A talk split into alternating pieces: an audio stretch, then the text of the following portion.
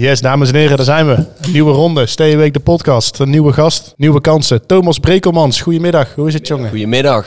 Ja, bij mij is het goed. Het is lekker warm buiten. Ik ben hier net mijn, uh, met mijn dakraam open de parkeergarage ingeknald. En ik heb er helemaal zin in.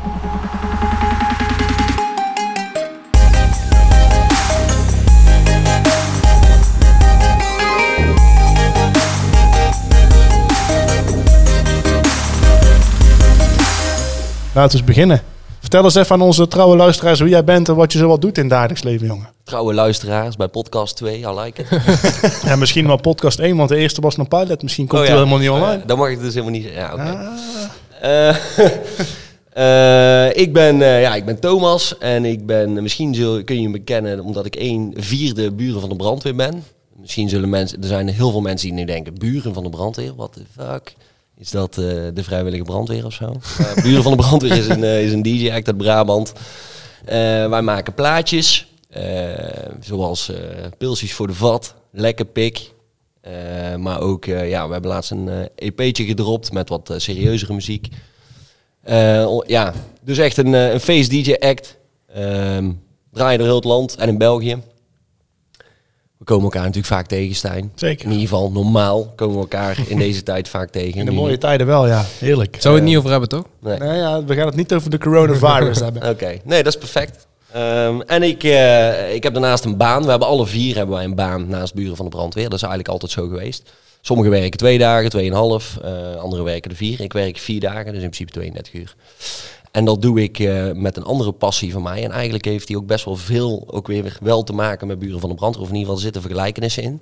Um, uh, en uh, daar ontwikkel ik software als product owner. Dus ja, een product owner die zorgt ervoor dat er gemaakt wordt wat de klant wil. Die is bezig met het creëren van dingen, nieuwe applicaties. Maar wij maken zowel, wij maken voornamelijk dingen voor het spoor, voor onderhoud voor het spoor.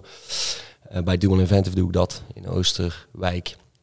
En uh, dat gaat van devices die in het spoor liggen, die uh, temperatuur monitoren, tot applicaties om uh, ja, die devices te bedienen of inzicht te krijgen in de assets in het spoor. Lekker man, flinke mond vol. Ja. Is dat een beetje te combineren, die twee banen? Want die dual inventive job voor jou is best een fanatieke baan. Jazeker. Best hoge functie ook als ik jou af en toe wil praten. Nou, Hoe? Alsof. Ja, ja. Laat het in ieder geval lijken dat het een flinke functie is. Stel tegen jou altijd mooie verhalen. nou, ja, dat klopt. Zeker, ik krijg een hoop mooie verhalen van jou mee. En dat vind ik ook mooi. Daar zitten we hier ook voor samen. Maar ik vraag me wel af hoe dat je dat in godsnaam trekt. Want er zijn mensen die uh, een van de twee functies, uh, een van de twee banen die je hebt, zeg maar, los niet eens goed trekken. En jij doet ze allebei door elkaar. Wat is jouw geheim in het combineren van deze passies? Ja, dat is best wel simpel. Dat is gewoon uh, het ene niet, zie ik niet als werk. Dus kijk, tuurlijk, ik heb natuurlijk, je hebt je hebt bij, uh, bij Dual Inventive, uh, als product owner heb je gewoon best wel een verantwoordelijkheid uh, die 24-7 doorgaat. Het spoor, ja, nou Dirk, jij zit volgens mij vaak in de trein. Ik zit heel vaak helaas in de trein. Dat gaat, dat gaat altijd door en vooral voor ons s'nachts, want dan wordt er gewerkt aan het spoor. En het spoor is zoiets, ja, dat is niet gemaakt om te onderhouden, dus dat moet s s'nachts gebeuren en dat is maar weinig tijd. Dus die, uh, dat, is, ja, dat is wel echt werk. Daar uh, ben je altijd mee bezig en daar heb je een zware verantwoordelijkheid. Of in ieder geval heb je ook uh, veel mensen die, waarmee je in teamverband zeg maar, moet presteren. En voor mij is, en dat, dan, ik, ik, mag niet spreken voor anderen, maar ik mag wel spreken voor mijn andere vennoten binnen buren van de brandweer. Dat is gewoon echt één grote speeltuin. dus, um, dat is toch top. nou, dat is toch precies wat je wil? Nou, ik denk dus juist dat ik het trek, omdat ik die combinatie... Um, dat prikkelt me enorm. Waarbij ik uh, aan de ene kant uh, ja, wel gewoon uh, complexe vraagstukken en vette, vette dingen moet, moet maken en creëren. En aan de andere kant zijn we dat bij Buren van de Brandweer ook aan het doen. Alleen daar ja, zijn geen kaders. Ja, precies. Dus op een speelsere manier lekker de wereld ontdekken met z'n allen. Nou, echt volle bak. dus als wij op vrijdagochtend uh, bij de koffie een dom idee bedenken, dan kan het vrijdagmiddag online staan. En er is niemand die gaat zeggen van, hé, hey, was dat nou zo slim? Ja, ja, dat is precies. Dat is wel lekker. Dat je geen restricties hebt van hogerop. Dat er niemand met een stropdas jou uh, nee. zegt wat er moet gebeuren. Ja, Hou ik daar sowieso wel van, hoor. Geen restricties en... Uh... Nee, dat, dat, weet ik. En ik weet niet of ze dat bij Dual Event ook weten, maar... Nou, ik, heb, ik heb ooit, uh, ik heb hiervoor bij uh, Ericsson gewerkt. Dat is een groot telecombedrijf uh, die aan de Vodafones en de KPN zeg maar de, de telecommunicatie levert. Die jullie allemaal dagelijks gebruiken. En daar had ik op een gegeven moment een vier lagen boven mij een directeur en die, dat was een zweet. En die zei altijd do good damage. Dat was zijn lijfspreuk. En die vond ik wel heel mooi. Dus daar maakten wij ook behoorlijk gebruik van. Dat klinkt wel als een eh, goede Do good damage. En dat is? Ja, gewoon goed dingen verkeerd doen. Maak goed, ja. Richt goede schade aan. Do good damage. Sorry, Ja. ik het nu pas. Ik ja. it's doekoe. English. It's English, you. English. Do good damage. Doekoe damage. Moet geld verliezen. Do good damage. hey, maar eh het in dual event is super interessant. Maar ik denk dat buren van de brandweer voor onze luisteraars en voor onszelf ook even een tikje interessanter wel, is. Kun jij mij even heel kort vertellen hoe dat het ontstaan is? Want ik denk dat heel veel mensen weten dat dat soort dingen allemaal als uit die grap ontstaan. Maar zeg maar de korte versie van eh, hoe het na het eerste jaar eh, grappen en grollen een beetje is gegroeid tot iets serieuzers. Nou, Het is denk ik eh, iets van zes jaar geleden of zo. Toen, ehm, eh, wij zijn allemaal basisschoolvrienden met z'n vieren. Dus vanaf groep drie gewoon in de knikkerclub. Zeker. En ehm, ik weet wel dat er zes jaar geleden of zo, of in ieder geval, er was een periode dat ik, een maat van mij zei, Major Lazer, jongen, dat is vet. En toen gingen wij naar een concert van hem in Paradiso, geloof ik. En toen dacht ik, wow, dit is briljant, man. Die gasten komen toen anderhalf uur of zo. Maar eh, ja, de muziek eh, ken je maar half een bak. Boumier was toen nog niet eens uit. En, eh, maar het was wel gewoon pompen. Het was een vette show om naar te kijken. Ze hadden ook grappige dingen. Net als ze begonnen helemaal in pak. En dat, werd dan, dat ging steeds meer uit. En dat werd dan wat losser en gekker. En vet veel show-elementen. Ik vond het verhaal vet wat erachter zat. Dus dat met die, die leger dude, hè, die veteraan. En toen, was ik een keer aan het brainstormen, eh, volgens mij met Jeroen en Marico of zo, eh, van eh, hey, dat is wel heel vet, maar dat moeten wij toch ook kunnen. Rico en ik draaiden plaatjes in de plaatselijke kroeg over de hobby. We hebben een drive-in showtje gehad. En, toen op een gegeven moment verkochten we al die Skytech eh, rommel. en toen, die bassen waren al 24 uur opgeblazen van Spaanplaat. Dus die, die gingen naar de volgende drive-in boer. En wij kochten één Pioneer setje samen en daar gingen we een beetje op draaien en zo in de kroeg. En Jeroen die was altijd al bezig met rappen. Die heeft zelfs een album opgenomen. En het staat helaas niet online. Nee, ik wou zeggen. Ah, zonde. Maar eh, ik- Wel echt ontiegelijk vette diss track video's. ja, dat, Ja, ja. ja, gaat, Die, gaat die battles doen en zo. Dat is echt gruwelijk vet. Freestyle battles, super dik. Hij wil niet dat mensen dat weten, dus we gaan het zeker in de show notes zetten. Nee, hij heeft, ook, eh, hij heeft op een gegeven moment ook een album opgemaakt, ja, op, opgenomen. En dat was, eh, dat was gewoon lachen. Maar goed, toen dachten we van, hey, we hebben ook een MC nodig, want dat had Major Lazer ook. En, eh, maar wat we dan ook nodig hebben is vet artwork. En dat moet gewoon allemaal gelikt zijn, want dat was, dat, daar haalden we dan onze inspiratie vandaan. Dat was bij Major Lazer ook. Die hadden een, een poppetje, die hadden een verhaal. En ja, toen zijn we met allerlei belachelijke... eh, een andere maat van ons, eh, Jeroen eh, van der Ven, die was toen ook nog... eh, onder, daar heb ik trouwens als eerste hiermee over gehad. Die was toen ook nog onderdeel van ons. En die, ehm, eh, die woonde anti-krakende politiebureau in Kaatsheuvel langs de brandweerkazerne. En we hadden allemaal gekke ideeën over Area 51. Kennen jullie dat? Ja. Ja, ja, Ja, zeker. het is natuurlijk laatst nieuws geweest met die, Ja, met ja, die gasten, ja, ja. met die vloggers. Maar eh, Jeroen die kende dat, die zei, kunnen we daar niets mee? Dat er iets mysterieus daar, dat er muziek gecreëerd wordt uit kernenergie of weet ik veel wat we bedacht hadden. Nou, dat was allemaal super, super vet idee. Daar hebben we ook nog mixtapes van. Rhythm 51 heette dat toen. Want Rhythm, daar zaten dan al onze voorletters van onze namen in. Ja, zo ging dat, zo dacht je vroeger. Zeg Ja, zeker. Het moet allemaal veel te goed kloppen allemaal. Ja. Ja, ja, zeker. Maar dit vind ik vet, want ik had vroeger juist niet dat ik dacht, het moet kloppen. Toen dacht ik van, ik wil, eh, ik wil bekend worden, of ik wil dit, en ik wil dat. Maar jullie hebben wel echt meteen al van, ik zeg maar met dat rhythm, dat je er wel echt dingen bij onderbouwd hebt, zou ik zeggen. Gelijk, Ja, ja, ja. gelijk conceptueel Ja, zeker. Ja, zeker. Maar dat vonden we ook leuk, want we, ja, wij konden niet. Jeroen die kon een beetje eh, produceren. Jeroen en Jeroen konden allebei een beetje produceren. Jeroen kon een beetje schrijven. Daar waren we toen nog helemaal niet. We dachten toen niet, we gaan muziek maken. Absoluut niet. We dachten, we gaan mixtapes maken. We gaan gewoon een, een soort van beleving creëren. Ja, gewoon vet- echt een, een, Een verhaal. Een, een act. Ja, ja, Ja. niet eens een act, maar meer iets van eh, wat mensen gewoon tof vinden. We hadden toen ook niet eens het idee om shows te gaan doen hoor. Ja, nee, precies. Je wilde, oké, je wilde meer een soort van platform om jezelf... Ja. Dus een merk om jezelf inbouwen. We hadden gewoon op een gegeven moment bij Jeroen dus een ruimte in dat politiebureau. En daar deden we een beetje brainstormen elke vrijdag geloof ik. En eh bierzuipen. En eh, daar wilden we dan, daar moest iets uitkomen. Maar daar had net zo goed eh, ja, beeldhouwkunst uit kunnen komen. Dan was Ja. het voor mij ook goed geweest. Ja, ja, precies. Als je maar kan creëren. Maar we wisten dat we alle vijf toen de tijd gewoon best wel creatief waren. En we wilden iets vets neerzetten. En dat was het uitgangspunt. En toen zei Jeroen van, eh, toen moesten we op een gegeven moment een naam. Toen zei hij, eh, ja fuck het, buren van de brandweer. En toen zei hij zo, hey, dat klinkt eigenlijk best wel lekker. Ja, Zo geschieden. Gewoon goed. Zo Ja. geschieden. Oké, lekker, lekker. En hoe ben je dan van, zeg maar, vijf gasten die redelijk snel in eh, knalrooie pakken showtjes gingen doen, zeg maar. Hoe heb je dat, waar komt die keuze vandaan om dat achter je te laten? Want voor de mensen die de buren dus niet goed kennen, die gasten liepen het eerste jaar, anderhalf, twee jaar Ja, zijn- zo zijn we dus nooit begonnen. het verhaal erachter Loop is... ons eventjes door dat, door dat Ja. verhaal van zeg maar, eh, we zijn mixtapes aan het bouwen, we gaan shows doen en dan conceptueel knalrooie pakken aan tot wat je nu hebt. Want jullie hebben nu custom kleding, een eigen fucking schoenenlijn. eh, de, de, de hele shebang klopt gewoon om jullie heen. Ja, maar dat is nog wel steeds zeg maar, wat toen het uitgangspunt was. Ja, En dat nee, is zeker. wat vet is. Dat vind ik ook tof, maar het is wel zeg maar echt zwaar. eh, het heeft een zware professionalisatieslag gemaakt. Ja, dat zijn, En- dat en zijn dat- wel bewuste keuzes. Ja, precies. En praat ons even door die keuzes, want dat Nou, vinden we echt tof. Ja, de eerste anderhalf jaar, denk ik, zaten we gewoon in de studio bier te drinken, deden we muziek uitzoeken en maakten we editjes en maakten we daar mixtapes van. Iedere maand 20 minuten of zo, geloof ik. Nou, dat is best wel pittig.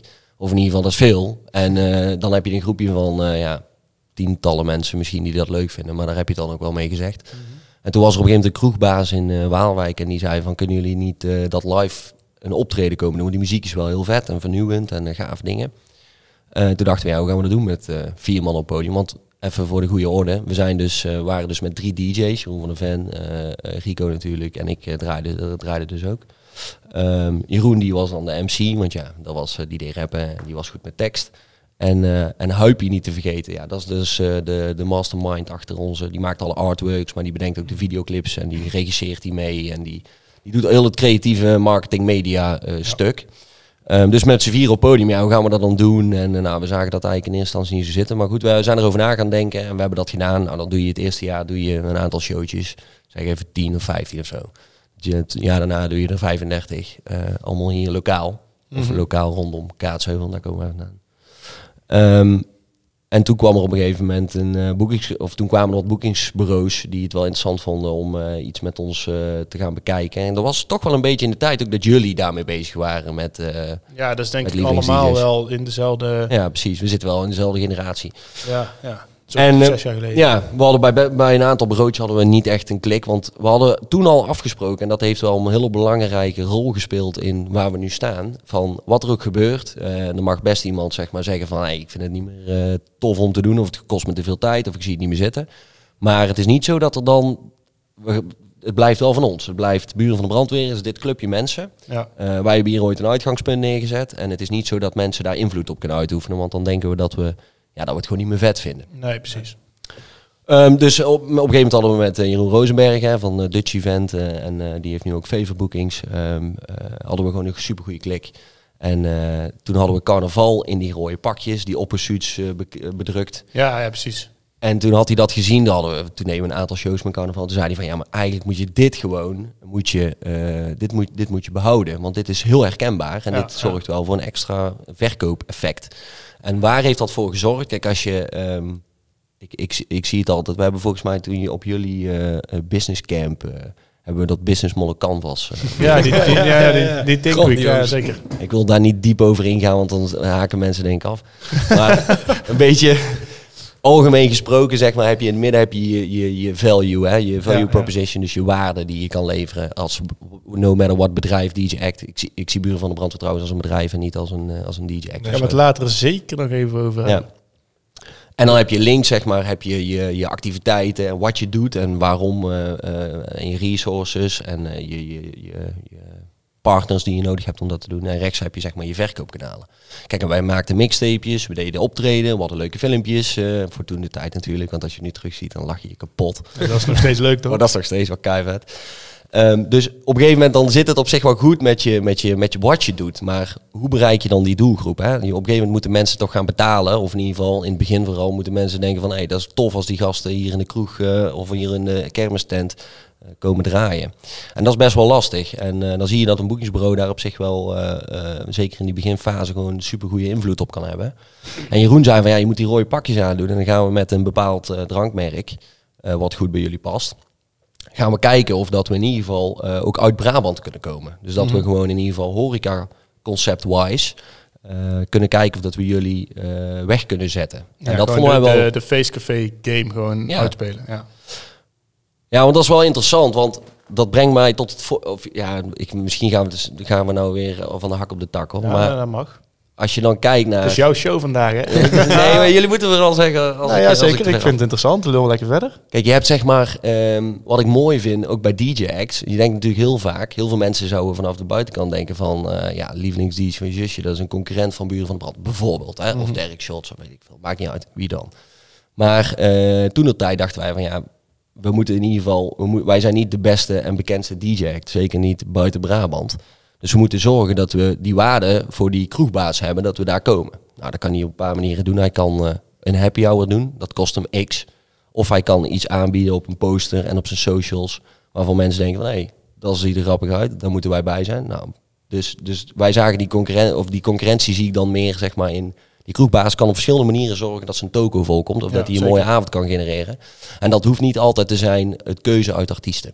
Nee, nee, verre van. Zeker bij, Precies. zeker bij kroegen is dat heel vaak iets compleet anders. Ja.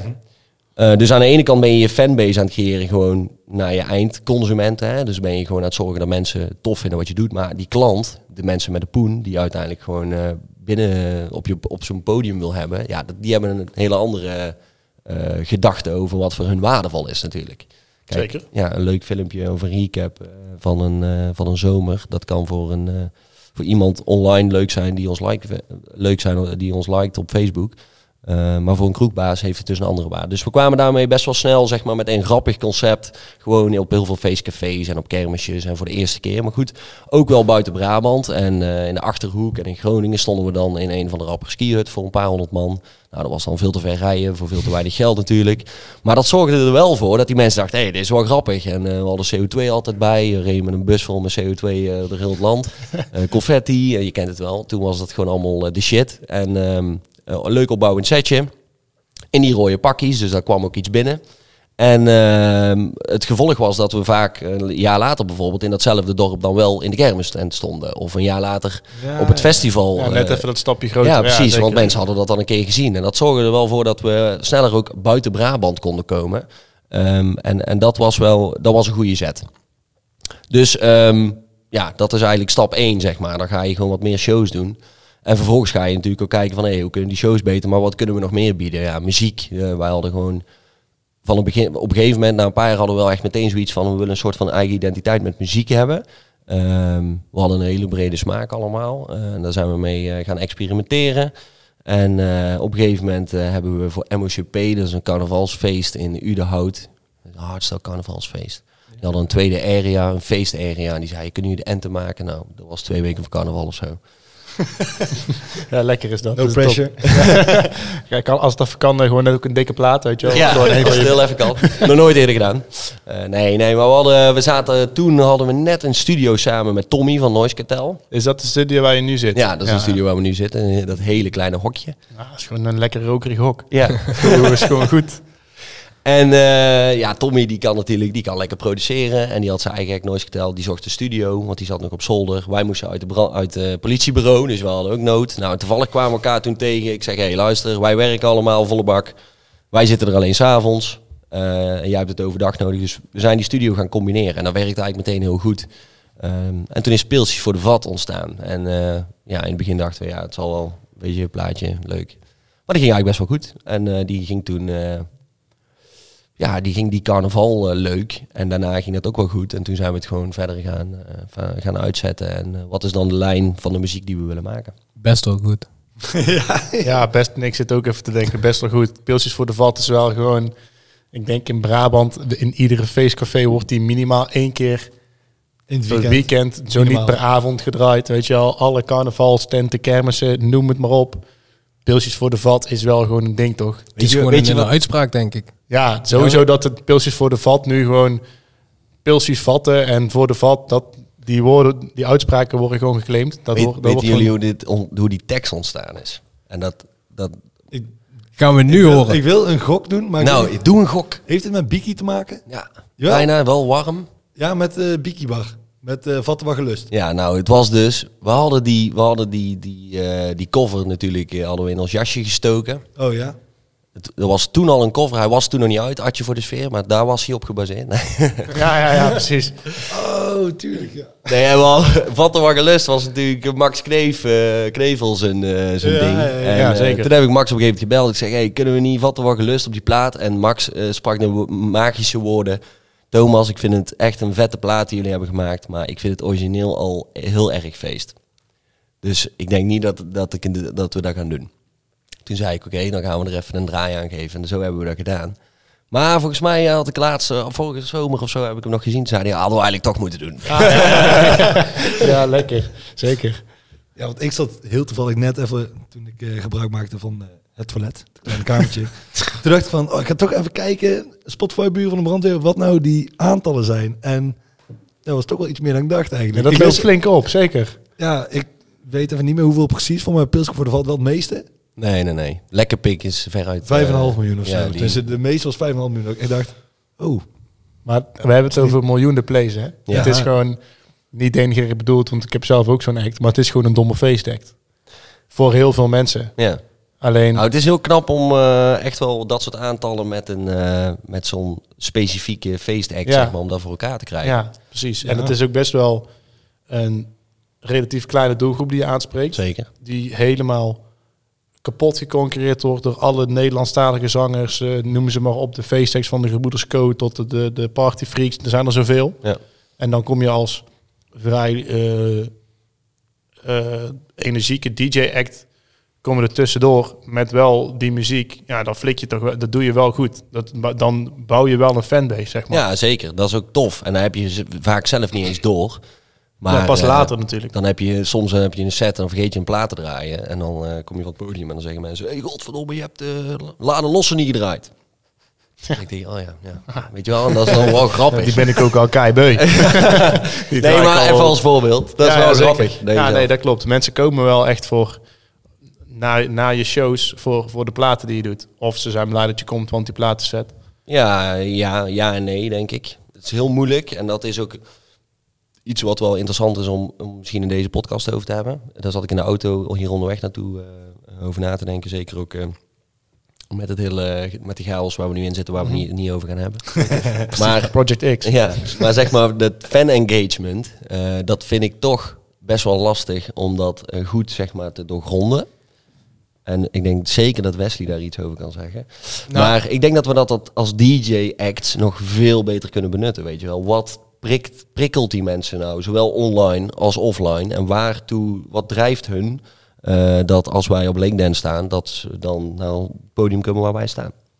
Nou, ik, wij hebben het er best wel vaak over, Stijn en ik. Eh, maar je kan, je kan heel veel. En wat je bijvoorbeeld bij festivals ziet, is dat je een Instagram filter aanmaakt of een Snapchat filter. Eh, en we hebben het laatst ook met een eh, andere DJ-act over gehad. En toen zeiden we, joh, hè, waarom doe je dat niet als DJ zijnde? Als iemand, ehm, ja, die komt eh, naar de Paradiso of speciaal voor jou.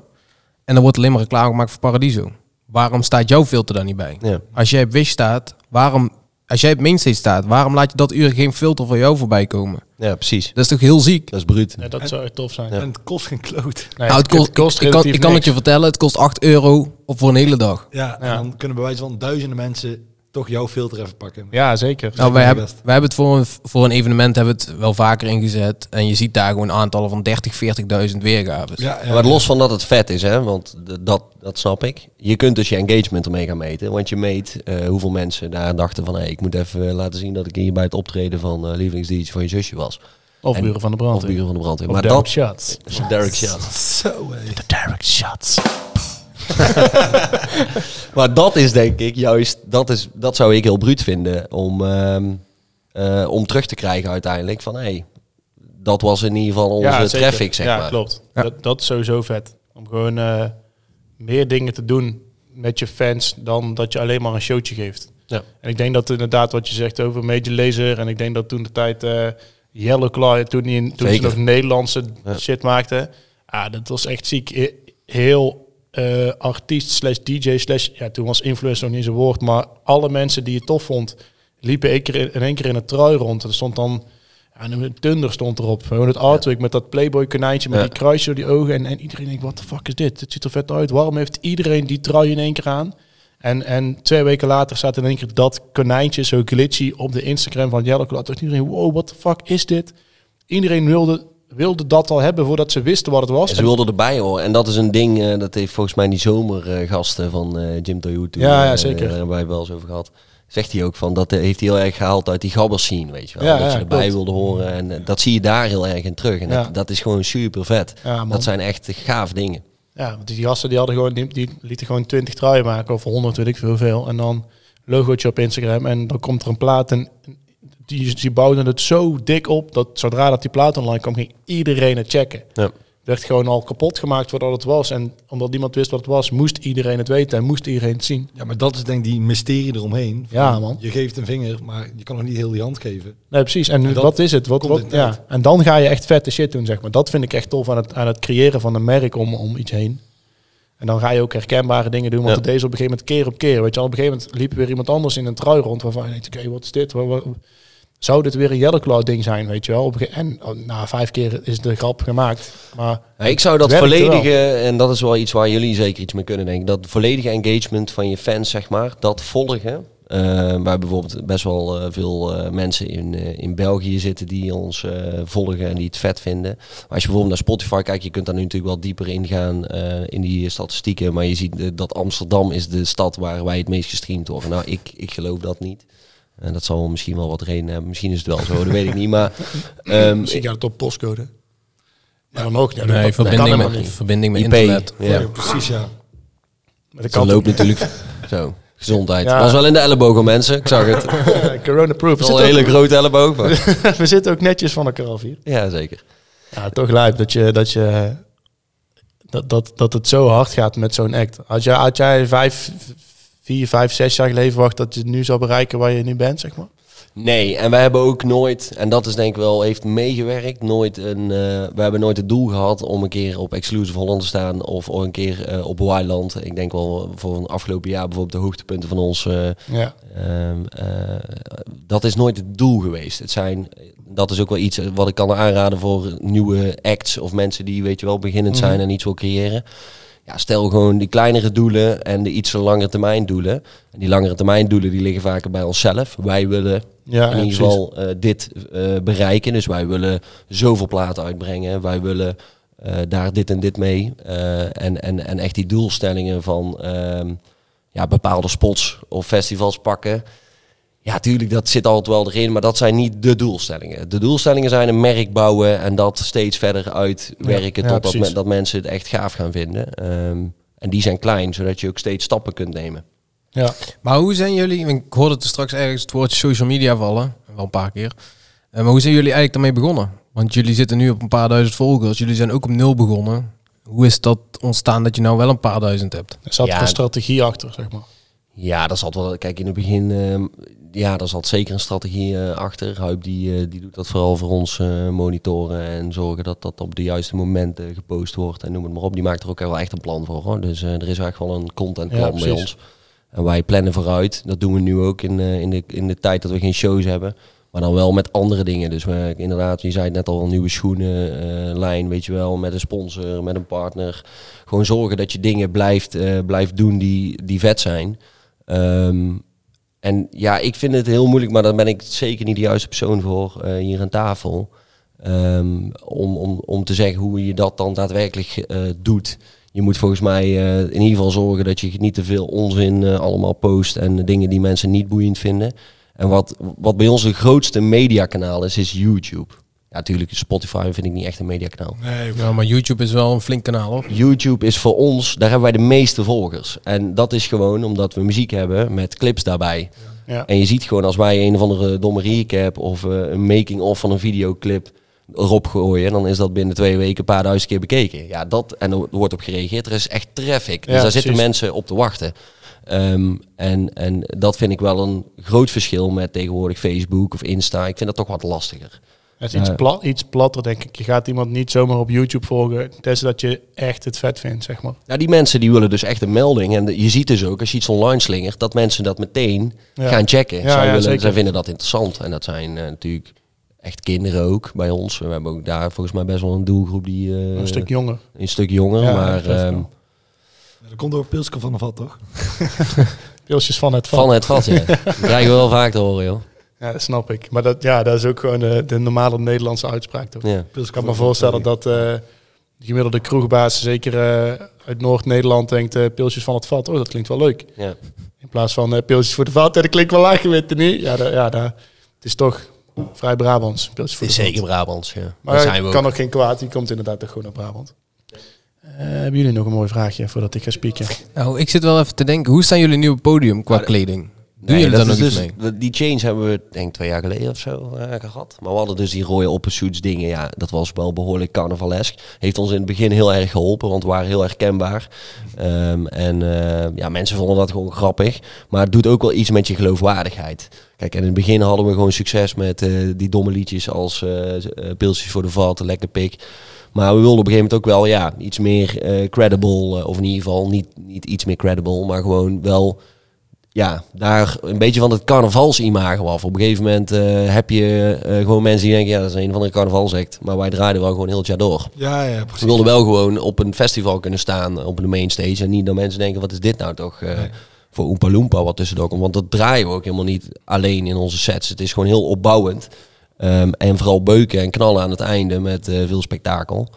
Ehm, dus toen hebben we daar eh, eh, over nagedacht. En dat, eh, wat wel weer heel mooi was, is we hebben ook rondgevraagd bij heel veel opdrachtgevers. En zeiden, wat wij wel heel belangrijk vinden, is dat jullie, als jullie komen, dan komt er iets binnen. Dan komen niet twee gasten met een zwart shirtje met een, of een paar gasten met een zwart shirtje met een logootje. Of, of, of, of met, weet ik veel, het simpel. Of natuurlijk, er zijn best wel wat acts die ook wat gepersonaliseerde dingen hebben. Maar het is in één keer bam, weet je wel. Van die rode pakken, het, er komt iets binnen. En dat, ja, het valt wel op. ja, dat vonden hun wel waardevol. Dus we dachten, daar moeten we wel iets mee. Dus dat zijn we gaan uitwerken, wel met een, eh, hoe noem je dat? Een eh, stylist.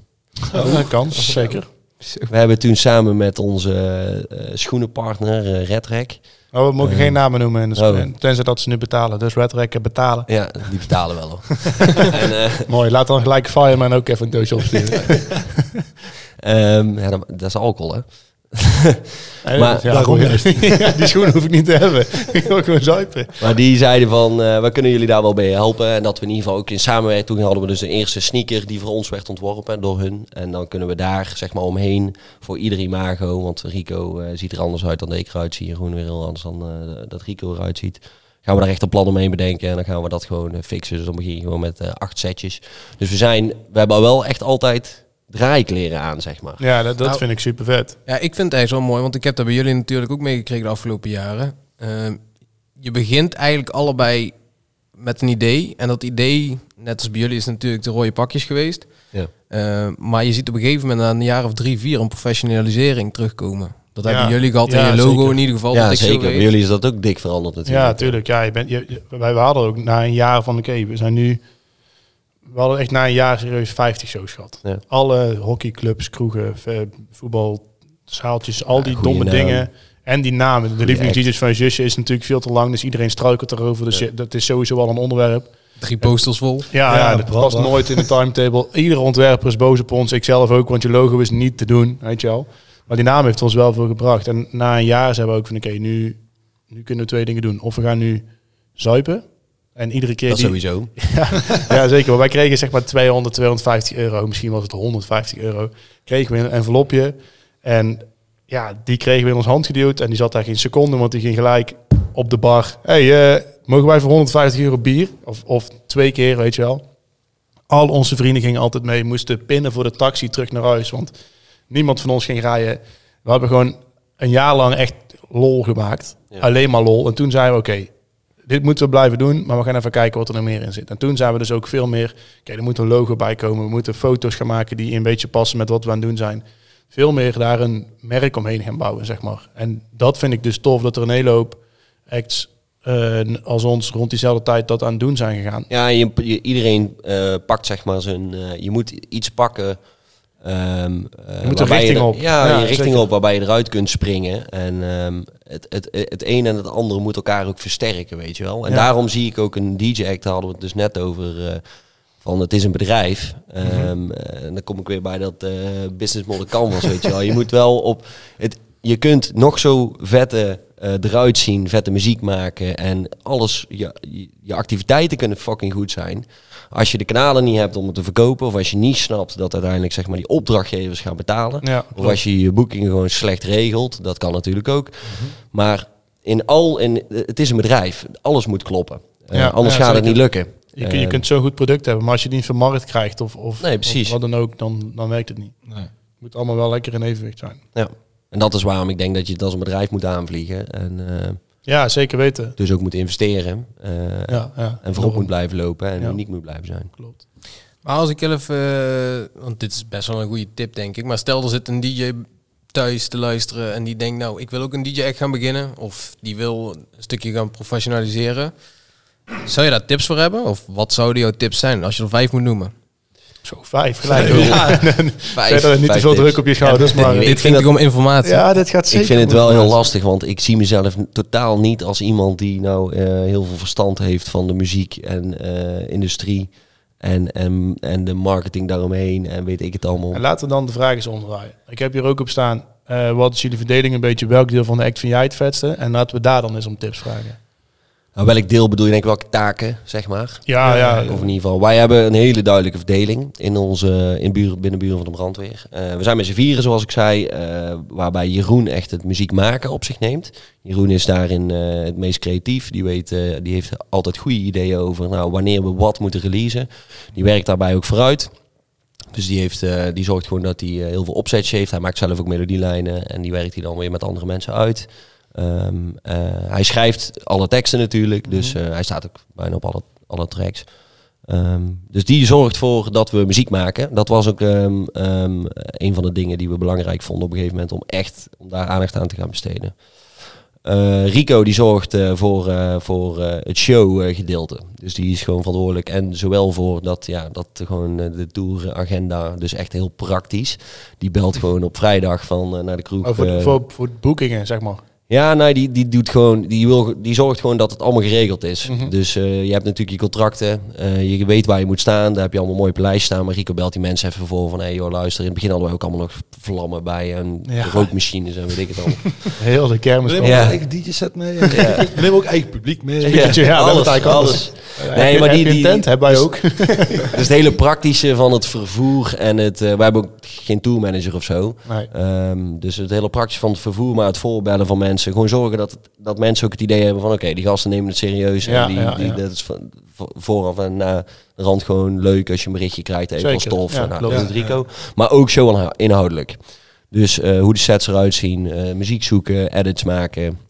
De mixtapes maakt hij bijvoorbeeld ook, maar die is dus echt daarop gefocust. Dus daar heb je het live en het eh, muziek uitbrengen. Nou, Huib die is verantwoordelijk voor, ehm, eh, voor heel het media marketing. Die maakt, al- schiet altijd een paar fotootjes. Bijvoorbeeld een dingetje wat wij hebben gedaan afgelopen jaren, dat werkt eigenlijk best wel goed. Is ons boekingsbureau een pakketje met foto's gestuurd de dag nadat we daar waren geweest. Met ons logootje rechts onderin.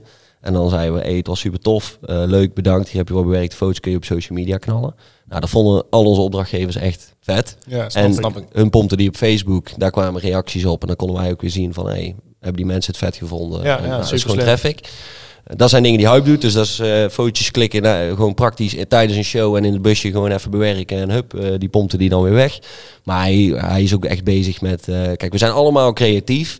Maar Hype is wel iemand die dat kan uitwerken. Hij kan ontwerpen, hij kan websites bouwen, hij kan videoclips bedenken, hij kan voorbeeldjes maken, hij kan merch Ja, bedenken. Dus, dus ja, daar maakt, is, daar maakt Hype. die ideeën een beetje tastbaar, zeg maar. Ja, Wat zeker niet verkeerd is om te doen af en toe. Nee, dat, dat werkt gewoon heel goed voor ons. En daarmee hebben we heel snel kunnen we iets creëren. Dat is Mhm. Die afstand EP, eh daar is al een documentairetje bij. Dan zie je ook echt het Huipse scherm en eh, dat hij daarmee bezig is. Ja, ja, super. en dat loopt dan mee in je proces. Kijk, normaal maak je een plaat. Eh, ik kan me voorstellen dat er mensen die maken een plaat en dan is zo van, oh, er moet artwork bij. En dan bel ik die en dan eh, zeg ik, hey Stijn, kun je voor mij artwork maken? Mhm. Maar Heup, die loopt dus mee in het proces. Die zit eh, af en toe bij ons in de studio. En daar pakt hij dingen uit. En dat is zijn inspiratie om vervolgens mee te gaan draaien met artwork. Dus het Ja. is een heel creatief product wat je op een gegeven moment buiten brengt. Ja, best een nauwe samenwerking. Ja, en dat, is, dat, dat vinden wij super gaaf. Want Mhm. uiteindelijk sta je dus op het podium. Dan gaan mensen los op een nummer. Wat je echt met z'n vieren uitgewerkt hebt. Ja, en eh, de wereld ingebracht hebt. Dat is tof. En eh, ik zelf dan als laatste. Ja, ik zat eh, altijd te denken, ja. doe jij dit een beetje bier Ik, doe, eh, ik zit bij podcasts en dat soort dingen. en dan zeg ik vervolgens van ja, ik heb er eigenlijk geen verstand van. Nee, ehm, ik doe meer het zakelijke stuk. Dus eh, de hoofdlijnen uitzetten. Ik denk dat er bij een, eh, dus, eh, de, ja, de hoofdlijnen uitzetten, maar ook met partners eh, zoals die sponsoren, maar het boekingsbureau. eh, we hebben ook een, eh, een label waar we mee samenwerken om onze muziek eh, uit te brengen. Ehm, Dus dat doe ik en daar ook heel eh, een zakelijke stukje van. Dus natuurlijk, je moet goede afspraken maken als je met, eh, met mensen muziek maakt. Eh, maar ook als je andere dingen doet met mensen, creatief creëert. Jij wilde alweer een van ons ranzig grapje maken. Dat Nee, ik zag het aan je ogen. Je kent mij te goed, Thomas. Het gaat een keer mis. En dat is, dat is waar ik in ieder geval mezelf mee bezig wil houden. Ehm, en dat zijn ook wel dingen, die professionaliseringsslag en zo. Eh, wat wij bijvoorbeeld doen is ieder jaar met het hele team, met onze boekingsmanager, gaan we vijf dagen naar Mallorca. Eh, en daar hebben we een dikke agenda, eh, vijf dagen lang, maar die zit ramvol. Met allemaal punten die we heel belangrijk vinden. En dan gaan we op het strand en op het terras. gaan we natuurlijk ook uitzuipen. Maar we ik was aan het wachten tot dit ging komen, anders ging ik hem zelf maken. we gaan wel ieder jaar daar in ieder geval evalueren hoe het seizoen is geweest, of het jaar. Eh, en wat we dan willen op korte termijn en op lange termijn. Ja. En daar zijn al die dingen wel uitgekomen. Die, die kleding, de Ja, muziek, ja, de samenwerkingen. Ja, het komt niet, zeg maar, het, het- misschien denken mensen, oh ja, ik begin ook een DJ-act of ik begin ook een, eh, een band of whatever je doet. En oh dat doe ik gewoon een beetje leuke muziek maken en dan eh, komt het allemaal wel goed. Maar het is gewoon hard werken. Ja, of ja, ja, het is sowieso hard werken, maar dat is natuurlijk relatief. Alleen, ehm, Nou, het is belangrijk dat je heel goed weet wat je wil. ja, maar je, bent, je moet ook heel veel nadenken over welke kant je op gaat. Dat moet je, je moet dat stap voor stap uit gaan denken. Je moet Ja. het uit gaan voeren. Het is niet zomaar... Je begint niet en je bent niet zomaar ergens waar, waar iedereen is. Zeg maar. Daar zitten jaren voor- aan planning en, en, en werk Ja. en voorbereidend werk aan. Voor ons is het dus geen doelstelling bijvoorbeeld om, om daar mega bekend mee te worden. Kijk, wij vinden het vet om veel shows te doen en voor groot publiek en noem het maar op. Maar het doel is wel altijd om een soort van creatief product steeds neer te zetten. Ja, of dat precies. nou een schoen is, in samenwerking met een schoenenmerk. Of een, eh, een EP waarvan misschien heel veel mensen zeggen, nou dat is in één keer hele andere muziek. Maar Ja. wij, dat, wij, wij willen dat, dat proces continu, Ja, daar, precies. dat prikkelt ons. En daar zijn, dat vinden we gaaf. En als mensen dat ook nog eens gaaf vinden. Kijk, natuurlijk ben je bezig met, met ook je business gezond houden en zorgen dat je je shows voldoende hebt. Maar het is niet dat wij zeggen dat wij ooit eh op Mallorca tegen elkaar hebben gezegd van hey, wanneer worden we nou, wanneer komen we nou eens op SBS 6? Nee, Ja, wanneer, wanneer gaan we nou eens echt veel geld verdienen? ja, precies. Dus Nee, puur gewoon lol maken met z'n allen en leuke Ja. dingen creëren. En, eh, Ah, dat is ook iets, iets wat we van het begin hebben, af aan hebben besproken. Is je kunt natuurlijk, je gaat op een gegeven moment shows doen en daar komt geld binnen binnen het bedrijf. En we hebben altijd een soort vaste salaris daaruit gehaald en eh, gezegd van hé jongens, we zorgen in ieder geval dat we eh, geld eh, sparen, want alleen op die manier kunnen we ook zorgen dat we die vette dingen kunnen creëren. Kijk, muziek uitbrengen en maken kost geld. Videoclips kosten, dat hoef ik jullie allemaal niet te vertellen. Alles kost geld. ja. Dus als je dat wil doen, Zeker als je het goed wil doen, Ja, dan kost dat- het echt een klap geld. Ja. als dat een doelstelling is, dan moet je daar geld voor hebben. Dus dan moet je dan eh, sparen en investeren. Dus dat is er dan ook mee gemoeid. Ja, zeker. Ja, dat, dus als ik het zo eventjes filter, is het tofste wat je vindt om te doen, is dus dingen creëren en lol maken met je vrienden. Maar wat is dan uiteindelijk, zeg maar, je doel hierna? Of wil je dit uitbouwen totdat je 35 bent en dan, dan verkopen? Of wil je zeggen, ik ga het nog vijf doen en dan ga ik gewoon Wil je het zuipen? kopen van me? Nee, ik heb geen geld. wij, wij hebben al dat geld gewoon opgezopen. Zeg maar maar zit, zit er een... Nee. Is, voor je, is de buren van de brandweer voor jou een... Zal dat altijd een hobby blijven? Of wil je daar ooit een fulltime ding van gaan maken? Of, of, of totaal niet? Of wa- wat Dat is is een moeilijke vraag, want ik vind wel dat het een het andere verrijkt. En Zeker, Dat, dat 100%. is, eh, en, en, en ik heb gewoon wel... Dus, dus of, ik vind, voor mij is het geen doelstelling om iets fulltime te laten zijn. Want als ik nu je daar draait 80 dat tot terug. 100 uur in eh, de week in kan in spenderen... en dan zie je altijd mensen ja, hoezo dan? Ja, dat voelt helemaal niet voor mij, weet je wel. Want de buren van de brandweer, dat is gewoon, dat is gewoon knallen, dat is gewoon lachen, Ja, dat is leuk. Ja. Maar dat is wel wat je werkt natuurlijk. Dat zijn wel de uren die je maakt. Eh, de afspraak die wij gewoon met elkaar hebben is... we gaan het zo groot maken als kan. ja, dat is super vet. En, en, als, en zolang wij er geloof in hebben... dat er meer uit te halen valt dan dat het is... gaan wij ervoor. En het ook wil met z'n allen. En het wil met z'n allen. Maar dat is ook... Dat is ook een van die dingen die we in Mallorca doen, weet je wel. Zit iedereen nog op dezelfde golf? We zitten iedere Ja. maandagavond, en vaak door de week zit ik bijvoorbeeld met Jeroen in de studio, maar eh, iedere maandagavond vast zitten we in de studio met z'n vieren. En iedere vrijdag de hele dag. Los van dat je dan natuurlijk ook tours gaat doen, shows gaat doen in het weekend. Maar los van dat je zoveel met tijd met elkaar spendeert en op vliegvelden zit en weet ik het allemaal. In de En in auto. de kroeg en in de auto. veel in de auto. Vooral veel in de auto.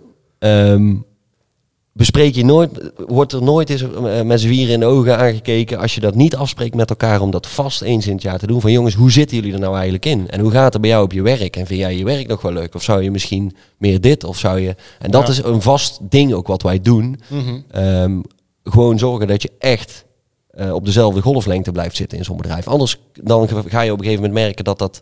Dan gaat dat op een gegeven moment niet meer lopen. Ja, dan krijg je Dan- misschien wrijving die, eh, Ja. Die te veel te hoog oploopt. en dat gaat 100% ten koste van de creativiteit en van die vette producten. die Ja, zeker, zeker. Zeker als je met z'n vieren bent. Want dan heb je natuurlijk ook vier best wel sterke meningen, denk ik. Zeker. Tenminste, ken je alle vier een beetje persoonlijk. We hebben al een vier een keigrote bek. Ja, Ja, wel een klein hartje. lekker, lekker.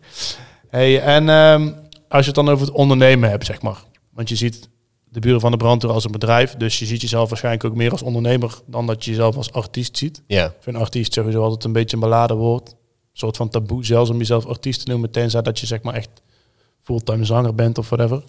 je kunt best artiest zijn natuurlijk als jij creatief in iets heel goed bent. En Ja. je krijgt dat zelf dus niet eh, vermarkt of in ieder geval, eh, eh, je krijgt dat niet in waarde eh, uitgebracht. Ja, nee, ik vind dit vind ik echt heel goed verwoord. Want ik denk altijd van, eh, ik zeg maar wat, een, een zanger die autotune gebruikt, is niet per se een zanger, maar een artiest, omdat hij toch wel van de middelen die hij heeft iets kan maken. Maar je bent artiest, zou ik zeggen, als je het kan maken. En ondernemer als je dus ook kan verkopen. En dat vond ik Ja, precies. mooi hoe jij dit zo vertelde. Dus Ja, ga door, ik luister. Nee, maar dat is denk ik, dat is, het- is prima om artiest te zijn. Als jij, kijk, als jij schilder bent en je kan prachtig schilderen en je kunt daar iemand bij vinden die dat perfect voor jou eh, over heel de wereld voor veel geld kan verkopen. Je kan iemand vinden die een website kan bouwen eh, en die dat eh, daarop kan zetten. En je kunt om je heen dus allerlei mensen vinden die dat voor jou kunnen vermarkten. hey, dat is, eh, dat is perfect. En Ja, dat zeker. is een artiest en die is in iets heel goed. Ehm, het, het is niet de reden dat ik zeg van je moet een ondernemer zijn om een succesvolle DJ-act te kunnen runnen. Want het is prima als jij, je kunt best een goede DJ-act zijn. En ook niet misschien... eh, moet je alleen je kennis moet het leuk vinden, hè? Ja, ja. Je Je moet moet het het 100% leuk vinden. vinden. Ja. Maar dan moet je misschien dus je kennis gaan inhuren. ja. Of inkopen misschien wel zelfs. Maar wij vinden het juist vet dat het een bedrijf is. En Ja, dat we zeker. gewoon alle vier een stem hebben. En dat we van elkaars krachten gebruik maken om dat Ja, dus ook te natuurlijk. kunnen doen. Dan, dan houdt het ook leuk voor jezelf. Ja, zeker. zeker. Maar als je jezelf dan eventjes als ondernemer zou bestempelen, wat, wat zijn dan dingen waarin je nog zou willen groeien? Want je hebt het over dat je heel veel de zakelijke aspecten doet. En Ja. bij Dual Event of doe je dat ook veel, zeg maar. Je hebt daar veel mensen onder je, je stuurt veel mensen aan. Je hebt, hebt best wel strakke deadlines. Bij de buren hetzelfde verhaal. Zou, zou je daar, misschien een moeilijke vraag, maar over, over 15 jaar, wat denk je dat je dan aan het doen bent? Ben je dan meer bezig met het zakelijke verhaal of meer met creatief? Of, of als je zeg maar zou moeten kiezen? Want Nou, ik vind creatie, en dat is wel, ik denk, want eh, voor jouw idee is denk ik inderdaad, je bent zakelijk bezig op je werk. Ik ben ook echt met creëren bezig, weet je wel. Eh, dus eh, applicaties Mhm. bedenken en daar functionaliteit en zo. Dus het is, het is dat zie, daar zie ik ook de overeenkomsten. Het is wel tot een product te komen, wat uiteindelijk waardevol is voor een bepaalde markt. Dus Ja. een product-marktcombinatie. En ehm, ja, waar zou je dan in willen groeien? Eh, ik, kijk, eh, dat, is een, dat, is, een- ja, dat is een moeilijke vraag. Als je kijkt naar buren van de brandweer, dan denk ik dat we gewoon. ehm, kijk, wij hebben nooit echt. eh, wij, komen, wij zitten natuurlijk. We komen helemaal niet uit de muziekindustrie, hebben daar geen verstand van. Maar daar hebben we dus mensen. Niemand komt uit de muziekindustrie. Toch? Vind ik altijd zo'n rare... Ja, tenzij dat je zeg maar de zoon bent van eh André Hazes. Dan Ja. ben je André Hazes, maar dan kom je dan ook uit de muziekindustrie. Zeg maar. Ja, je pa werkt daar, weet je wel. Ja, maar, maar je kunt wel heel veel affiniteit. Kijk, bijvoorbeeld Dirk, die heeft een, eh, die, die heeft een studie gedaan die daar wel. Nee. Oh, je zit, er- je zit aan te kijken. Eh, Nee, nee. Dirk is Ja, gewoon maar- bandmeester, hè? En dus was, was nee, het. nee, nee. Ik, eh, Nee, maar jij studeert in Ik- de ja, studeer- muziek en evenementen. ja, wel meer evenementen dan Meer muziek. evenementen, oké. Maar, Maar dan ik nog? Snap ik, Ja. ja. ik snap hem. Nee, klopt. Eh, ja, alleen ik denk wel wat je zegt met... eh, vooral met wat Stijn zegt van... Je komt, niemand komt uit de muziekindustrie. Als in, je bent niet geboren en je bent artiest. Ja, nee, nou, nou meer dat het zeg maar... ehm, nou, het dwalen we misschien een klein beetje af. Alleen, mensen zeggen altijd... eh, ja, ja, ik, ik kom uit de horeca. Ja, mijn pa en ma hadden vroeger... eh, mijn pa heeft nog steeds een kroeg. Kom ik dan Ik uit ken de horeca? ja. Gerard. Ja, een vrij gestoorde gozer. Ik heb Maar hem ja, kom, weekend kom ik dan uit de horeca? Ja, nee man, mijn pa heeft een kroeg. Je leert, je krijgt er wel van mee. Alleen het, het is meer... Ja, maar qua Eh, ondernemerschap, als je het ja, zo ja, ziet... zeker. Maar ik bedoel meer, kijk, jij komt niet uit de muziekindustrie. Nee, klopt. Maar je doet het al wel zes jaar Ja, dat actief. klopt, weet ja. je wel? Dus dan doe je al vijf of 20% van je leven ben je al gewoon ja, noem het even muzikant of ben je er in ieder geval fanatiek mee bezig. Ja, dan ben je denk ik wel gewoon, dan mag je jezelf wel in die industrie plaatsen, denk ik. Ja. Kijk, weet je wat mooi is aan ondernemers? Je wil iets zeggen. Nou ja, ik wou wel nog even zeggen van, is het niet, eh, natuurlijk ook niet zo, maar stel je studeert ergens voor, dan is het toch eerder van dat je daar vandaan komt. Of dat, je Ja, dat daar- in ieder geval de kennis daar zit. Ja, ja, precies. zeker. Ja, dat, ik had geen fuck eh, verstand eh, van, van muziekrechten en over... eh, Kun je noten lezen? Ja, dat is weer iets anders, hè, Dirk. Ja, oké, maar dat is ook wel muziek. Niet Ja. per se muziekrechten, maar... Ik heb twee jaar muziekles gehad, kan geen noot lezen. Ik, kon, ik heb lang gitaar gespeeld, maar kan er helemaal niks meer van. nee, maar als je het hebt over ondernemerschap, want ik heb, eh, ik heb e- eerst VMBO gedaan, toen MBO en toen ben ik eh, via stages ben ik bij een evenementenbureautje in Kaatsheuvel terechtgekomen. Daar ben ik uiteindelijk gaan werken. Daar heb ik uiteindelijk een, eh, een stukje aandelen gekregen, dus daar werd, werd ik mede-eigenaar van. Dus daar ben ik voor het eerst echt in aanraking gekomen met ondernemerschap. Ehm, toen kwam natuurlijk buren van de brandweer en zo. Er zit wel wat, eh, wat ondernemerschap hier en daar. En wat, vooral, wat ik vooral mooi vind is gewoon dat... eh, kijk, mensen zien allemaal wat er natuurlijk keigoed gaat. Maar er gaat natuurlijk keiveel fout. Mhm. en ehm, dat is gewoon... Maar dat moet toch iedereen ook weer zelf ervaren. Ja, voor een groot gedeelte. Ehm, en ik heb een, een grappig filmpje, dat moet je maar eens opzoeken. Dat is- heet Exploding Whale. Dat is een filmpje uit 1970. Ergens in Amerika is er een walvis aangespoeld op een strand. Echt een enorm beest. Maar die ligt daar dus intens te rotten in de zon. Dus dat halve dorp gaat kapot van de stank. Dus die burgemeester denkt van ja, fuck man, we moeten hier wel iets aan doen. Dus die heeft eh, uiteindelijk een of andere legerbaas of zo is er geloof ik gevraagd. En die zegt van ja, we moeten dat ding gewoon even opblazen. En dan eh, is er niks meer van over. En dan is ook het probleem opgelost. Dus die... eh, Ik zie deze baai echt al gigantisch. ja, maar je moet, dit filmpje heet Exploding Will 1970. Je moet dit opzoeken. Dit is, dit is een geweldige, geweldig om te zien. En eh, dus eh, de- je ziet ook op een gegeven moment die chef van, de, van het leger van... eh, ja, weet je, we weten eigenlijk helemaal niet hoeveel dynamiet erin moet. Maar we hebben er wel heel veel in gestoken. Nou, dat ding dat ontploft. En er is gewoon een soort 10 minuten lang is er een soort vleesregen in het hele dorp. Auto's gaan kapot. Mensen die worden neergemaaid. daken van huizen zijn naar de kloten. En dan zie je dus die gasten daar weer. En dan eh, die interviewer van, nou, eh, dat ging volgens mij niet helemaal goed, of wel? En dan zegt hij, nou, eh, dat ging niet helemaal goed. Nee, maar ja, ik zei al, we wisten niet hoeveel dynamiet we nodig hadden. Maar als het dit de volgende keer gebeurt, dan weten we in ieder geval wat we niet moeten doen. En, dan die vind gast, ik dan... Die gast heeft in ieder geval niet geluisterd naar Do Good Damage. Ja, of juist wel. Ja, ja. Gewoon proberen en daarna sorry zeggen. Dat is, dan werkt wel het beste. Ja, En- die vind ik wel steady. Geen excuses gaan bedenken van ja, maar gewoon. Nee, maar je moet- wist het niet. I fucked it up. Ja, je moet gewoon dingen doen. En, en dat hebben wij bij Buren van de Brandweer ook zo vaak gehad. Dat we aan dingen begonnen. En dat we eh, tussendoor dachten van... Ja, wat, waar zijn we nou toch weer aan begonnen? Wat is, wat is de grootste mislukking of noem het wel mislukking die jullie ooit gehad hebben? Dat is een hele lastige. Ja, het zijn er natuurlijk een hoop, maar kies er even eentje uit. Nee, mislukkingen. Ja, blunder. maar- Of blunders of iets waar je denkt, oké, ik had het misschien net even niet moeten doen. Er had iets Zijn, zijn er dingen die je niet had moeten doen? Nee, niet dat die je nee, anders dat had moeten bedoel doen? ik dus te zeggen. Ik vind dus totaal niet... Ik denk ook niet dat die gast daar op dat strand in Amerika dat niet had moeten doen. Nee, nee, oké, maar goed. Als je achteraf gezien had je wel gedacht, oké, misschien hadden we dat ding beter af kunnen voeren. Maar zijn er niet dingen... Wat, is het, wat, is, wat had je het meest anders gedaan? Om het even maar moeilijk te vragen, zeg maar. Wat had je het meest anders Of waar gedaan? baal je het meeste van? Er is toch vast iets wel wat, zeg maar... Waar je het meest van hebt geleerd. Laat het dan even positief omdraaien. Waar heb je het meest van geleerd? Van iets wat je... Nou, dat zijn, dat zijn geen grote blunders of zo. Maar dat zijn wel... drie kleine. Dat zijn wel dingen dat je denkt van ja, dit hadden we net even anders. Dit, vaak is dat bij videoclips en zo. En dan denk je van oh, we gaan, eh, we gaan dit doen. En dan oh, ja, dat het wordt dan weer een, een mens groot ding. En heel veel mensen erbij. En waar je van je achteraf denkt van ja, had dat nou, had dat nou gemoeten? Een blunder. Oh, ik heb trouwens wel een heel goed voorbeeld. wist dat dit ging komen. Want je had het er straks over, ja, die merch en zo. Ja, dat hoort er wel bij. Maar Ja. we weten allemaal dat merch, daar valt niks aan te verdienen. En dat kost tering veel tijd. Dat is trouwens iets wat Rico ook doet bij ons. Merchandise. Die is chef merchandise. Die heeft zijn eigen bankrekening daarvoor. Kijk. Onder de buren van de brandweer. En dat zegt hij ook, eh, als hij dan weer wat verkocht heeft op vrijdag, zegt hij... Zo, ik, eh, ik kan weer op terras gaan zitten van de zaak. En dan, eh, hij heeft een soort van eigen personeelsfeesten dan. Dus dat is altijd heel grappig. Maar merch is gewoon, ja, dat is gewoon een gedrocht. En het probleem is natuurlijk zeker, zeg maar, drie jaar geleden toen wij dat wilden. Toen dachten we van, ja, dan kunnen we Huip kan vette dingen ontwerpen. Maar ja, waar ga je dan dan bestellen? En dan ga je voorraad bestellen. Want dat moet, want ja, Kijk, tegenwoordig heb je allemaal van dat soort bedrijven. Dus dan kun je als Dirk bij mij iets bestelt, dan zet ik dat door en dan wordt dat gemaakt en dan geef ik het aan Dirk. Dat is heel handig. Maar toen eh, ja, was dat er allemaal niet, nog niet, of in ieder geval wij kenden het niet. En wij gingen gewoon naar de zeefdrukker bij ons om de hoek. En we zeiden, wij willen hier even 250 shirts bestellen in eh, vier verschillende kleuren. Volgens mij, Stijn, heb je er nog ooit nog een gekregen. En met Pyromania erop. Ja, Ja. zeker. Maar dan wel met... eh, met, met dat rode, rode labeltje. ja, met labeltjes erop. En het was dan allemaal net dat je dacht van ja, wel vet. Maar uiteindelijk pakte dat dan toch Ja, pasvormpje net niet lekker. pasvormpje Ja, net niet lekker. Herkenbaar zeefdrukje net niet lekker. En dan heb je 250 stuks liggen.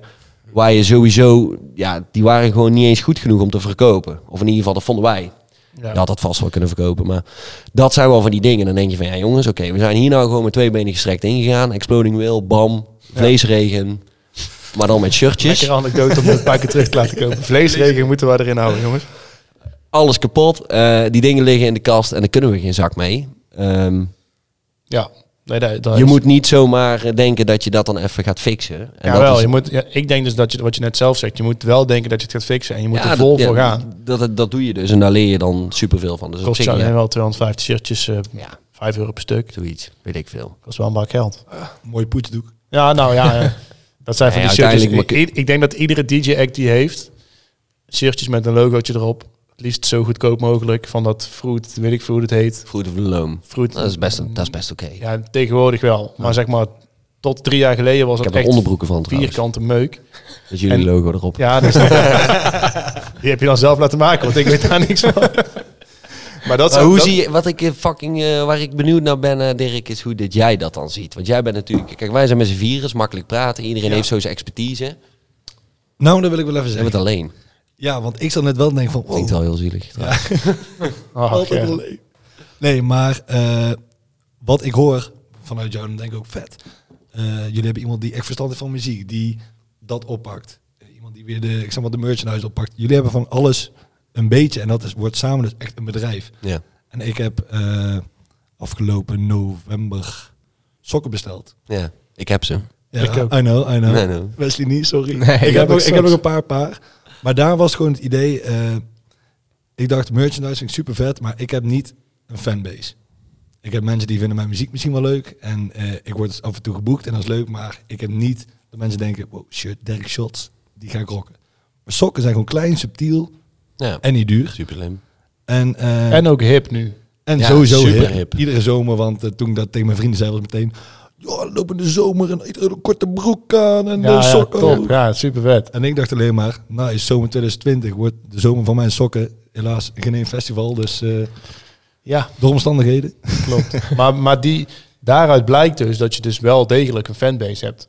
Want mensen worden wel echt een lijp om die sokken. Maar jij bent wel heel bewust bezig met content op je Insta, vind ik. In Met ieder die geval broodjes. gewoon- ja, de Dirk broodjes show. Ja. Ja, maar dat is dus ook weer eh, waar ik bijvoorbeeld met het Koninkrijk van Muziek heel veel over heb gehad. Het is niet per se, Derek Scholz is het meer ook het merk Ja. of het bedrijf.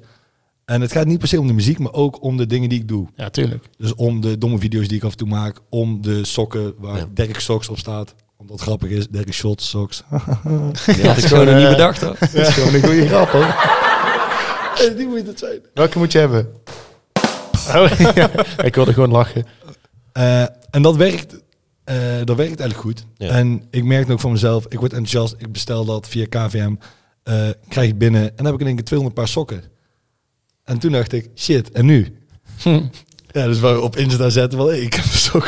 DM en ik stuur je een tikkie. Ja, ja maar dat, dat, is like wel- it. dat werkt toch gewoon? Ja, dat Het weet- werkt wel, maar weet dat is echt een kutgedoe. Ja, zeker Tuurlijk, man. maar dat, wat wil je dan doen? Je bent, je bent geen verzendbedrijf. Ja, maar dat is toch top? Want hij doet dus iets omdat hij denkt dat is vet. En dan komt er vervolgens achter fucking vleesregen. Ja, Hoe maar- ga ik dit voor elkaar krijgen? En dat is precies het hele ding. En eh, ik moest in één keer enveloppen kopen.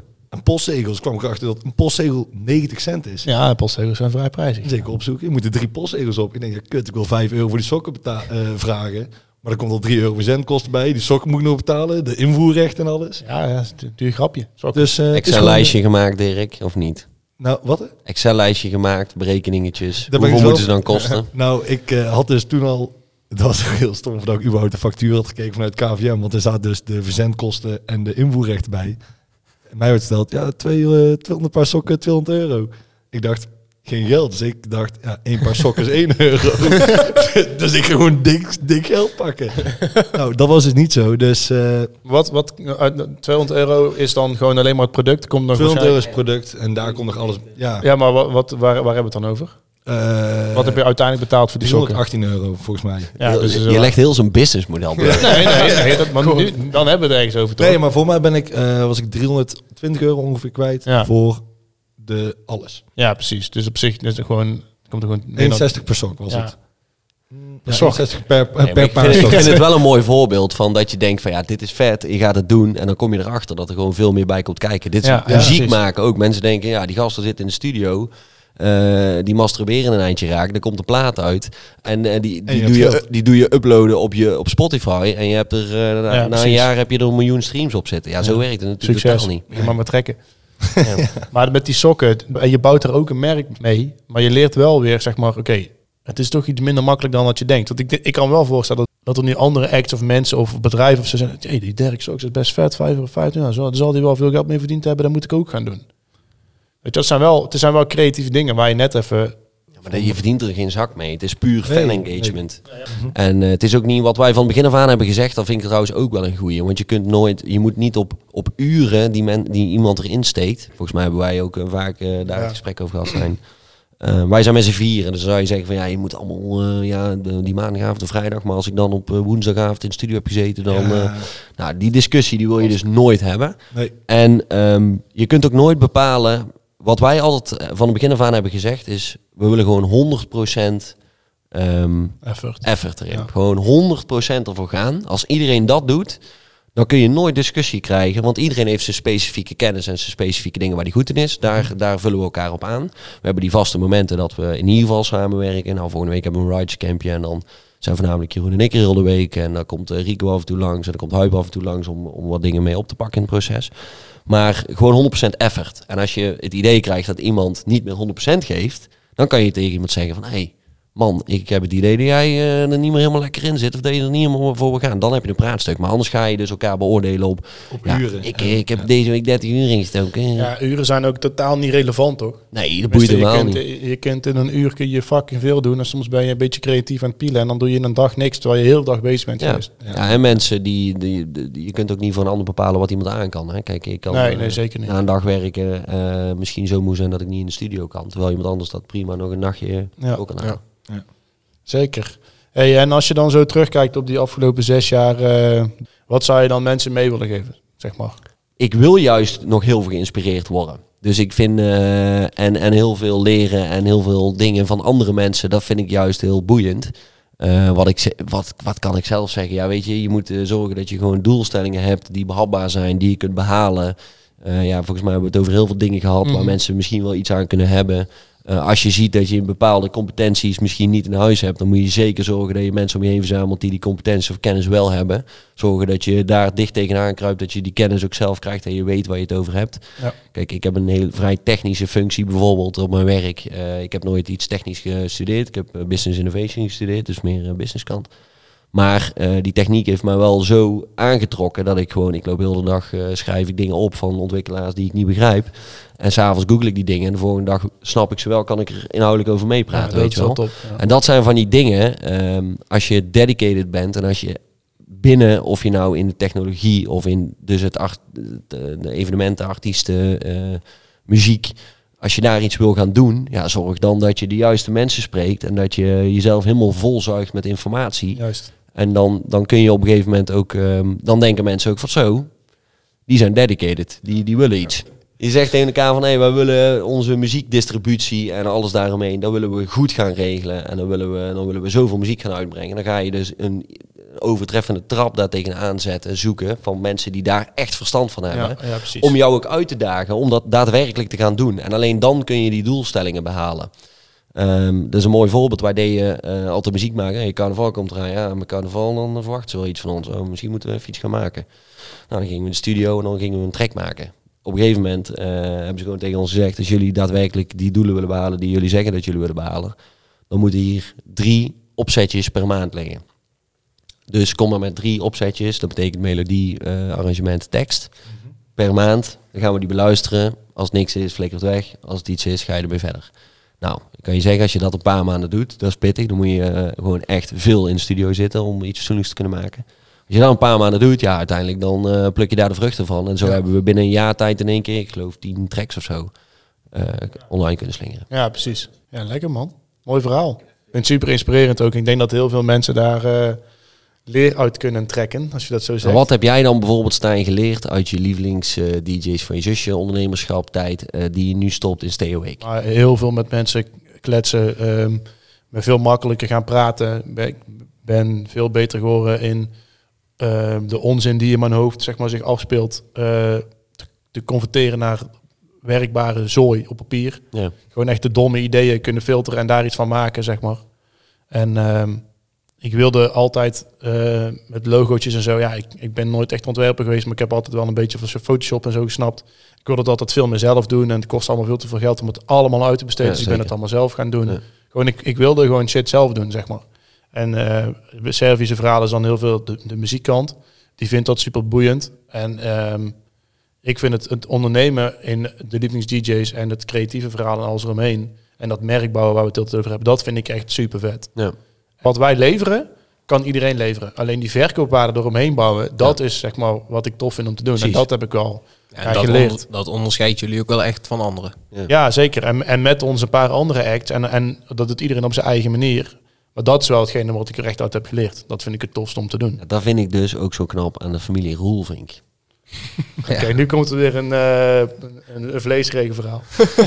Nee, maar dat is toch geweldig? Kijk, die, kijk dat, die kunnen ook gewoon van heel veel verschillende dingen... kunnen zij echt marktwaarde creëren. Ja, Ja, gewoon alleen maar door een eigen kop. Continu. Klopt. Maar allemaal ook, hè? Ja, en dat is gewoon knap. Ja, ik vind zeker dat, vind ik vet. Klopt. Ja, nee, ik vind het ook tof. Ik vind het, ik vind het, ik vind het lachen, zeg maar. Dat, je, dat je daar zo lang op kan teren. Ja.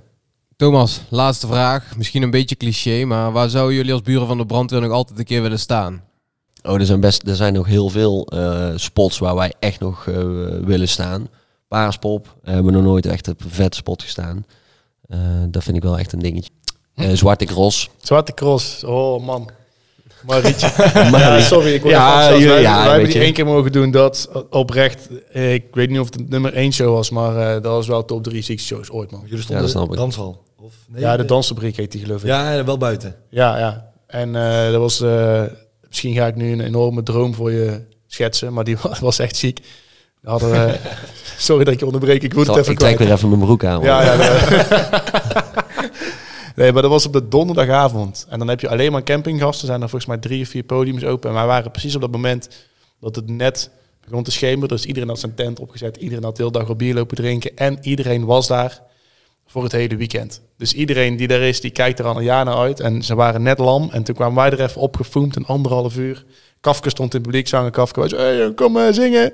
Hij trekt zijn blouse aan. Hadden we natuurlijk van tevoren afgesproken. Mocht niet van een zwarte cross. Ja, gaan we niet doen. Moeten we geen bandje regelen? Ik zei, ja, komt wel goed. Dus ik zei tegen Kevin, ik zei, jij moet gewoon vooraan staan.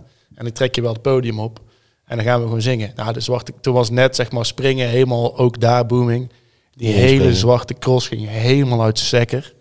En Ja, dat is eh, dat was echt vet. Toen kwam ook de vriendin van Jeroen. Ja, Die kwam even een even, een kusje geven. Die, Jeroen zei, ehm, stuur even een foto. Dus hij stuurt een selfie vanaf het publiek zo naar ons. Dus Jeroen zegt, nee, je moet op het podium, moet kusje. Wat doet die kut? Die klimt. ja, dat, is, dat is oprecht. Het is een goudwijf. Maar dit is de meest lompe actie die ik ooit heb meegemaakt tijdens een show. Die Ik klimt, hem goud. die klimt gewoon over de berries. Die gaat op een sub staan. Die klimt het podium op en die rent naar Servi toe. hey, selfie. Maar Servi was aan het draaien. En die, die schrikt een beetje en denkt, hé, wat is dit nou? Maar wat gebeurt er dus? Er staan daar, ik denk, 10.000 boeren. Prachtig volk. Ik ben zelf ook echt een boer. Maar die Eén iemand gewoon, dat kan. die denken, als dit kan, dan kan ik het ook. Maar er waren zeg maar, zonder grappen, 50, misschien wel 100 mensen die dachten, hey, kom op! En die klimmen daar allemaal het podium op. En beveiliging staat zo, ja, wat kan ik nou doen? Er staan daar twee gasten zo een beetje te chillen. En die klimmen daar gewoon 100 doorgeslagen mensen het podium op. En Servi staat er, oké, wat de fuck is dit? Hij zegt, mij maakt het niet uit als ze maar niet aan mijn cd-spelers komen. Dan kan ik gewoon mijn setje doen. Stijn, kijk jij wat jij doet. Ik vind het prima. Dus Joop als tourmanager die gaat bij Servi staan en duwt die mensen een beetje weg van je moet niet hier aankomen. Dan gaat de muziek in ieder geval door, dat komt wel goed. Dus ik denk, ja, ik vind het mooi. Maar een hoop mensen vinden het niet mooi. Maar ik ga er niks van zeggen, weet je wel. Op een gegeven moment volle bak rook op het podium, maar echt veel. licht uit. Ik zag zelf ook geen flikker meer. En licht gaat aan, rook zakt een beetje weg, podium leeg. Waar ze dus gewoon met tien man gewoon dat podium leeg Ja, gaan. Niet Heel normaal. netjes. Maar wat, Maar ja, mooie droom. mooi droom. Maar, zodat ik onderbrak, paaspop, zwarte cross. En Nee, dat zijn wel de belangrijke dingen. Er zijn natuurlijk nog zandplekken waar je wil staan. Maar goed, dat is meer... Het is niet zo dat ik dat... Dat ik daarvoor eh, af zit te tellen van daar moeten we staan of dat we daar heel erg op sturen. Het is natuurlijk wel dat je je boekingsbureau meegeeft van hé, dat zou tof zijn als we daar willen ja, staan. precies. Maar ja, je hebt eh, aan de andere kant heb je ook Decibel, Pussy Lounge, Defcon. eh Ja. Je hebt ze allemaal gehad. Ja, lekker man. Eh, ik vind het een mooi verhaal. Ik denk dat we hem afgesloten, jongens. Ik vond het gezellig. Thomas, hartstikke bedankt. Jullie bedankt. Ik zie jullie graag andere keer. En eh, Tot de volgende podcast. bedankt voor het luisteren. Dames en heren, de groetjes.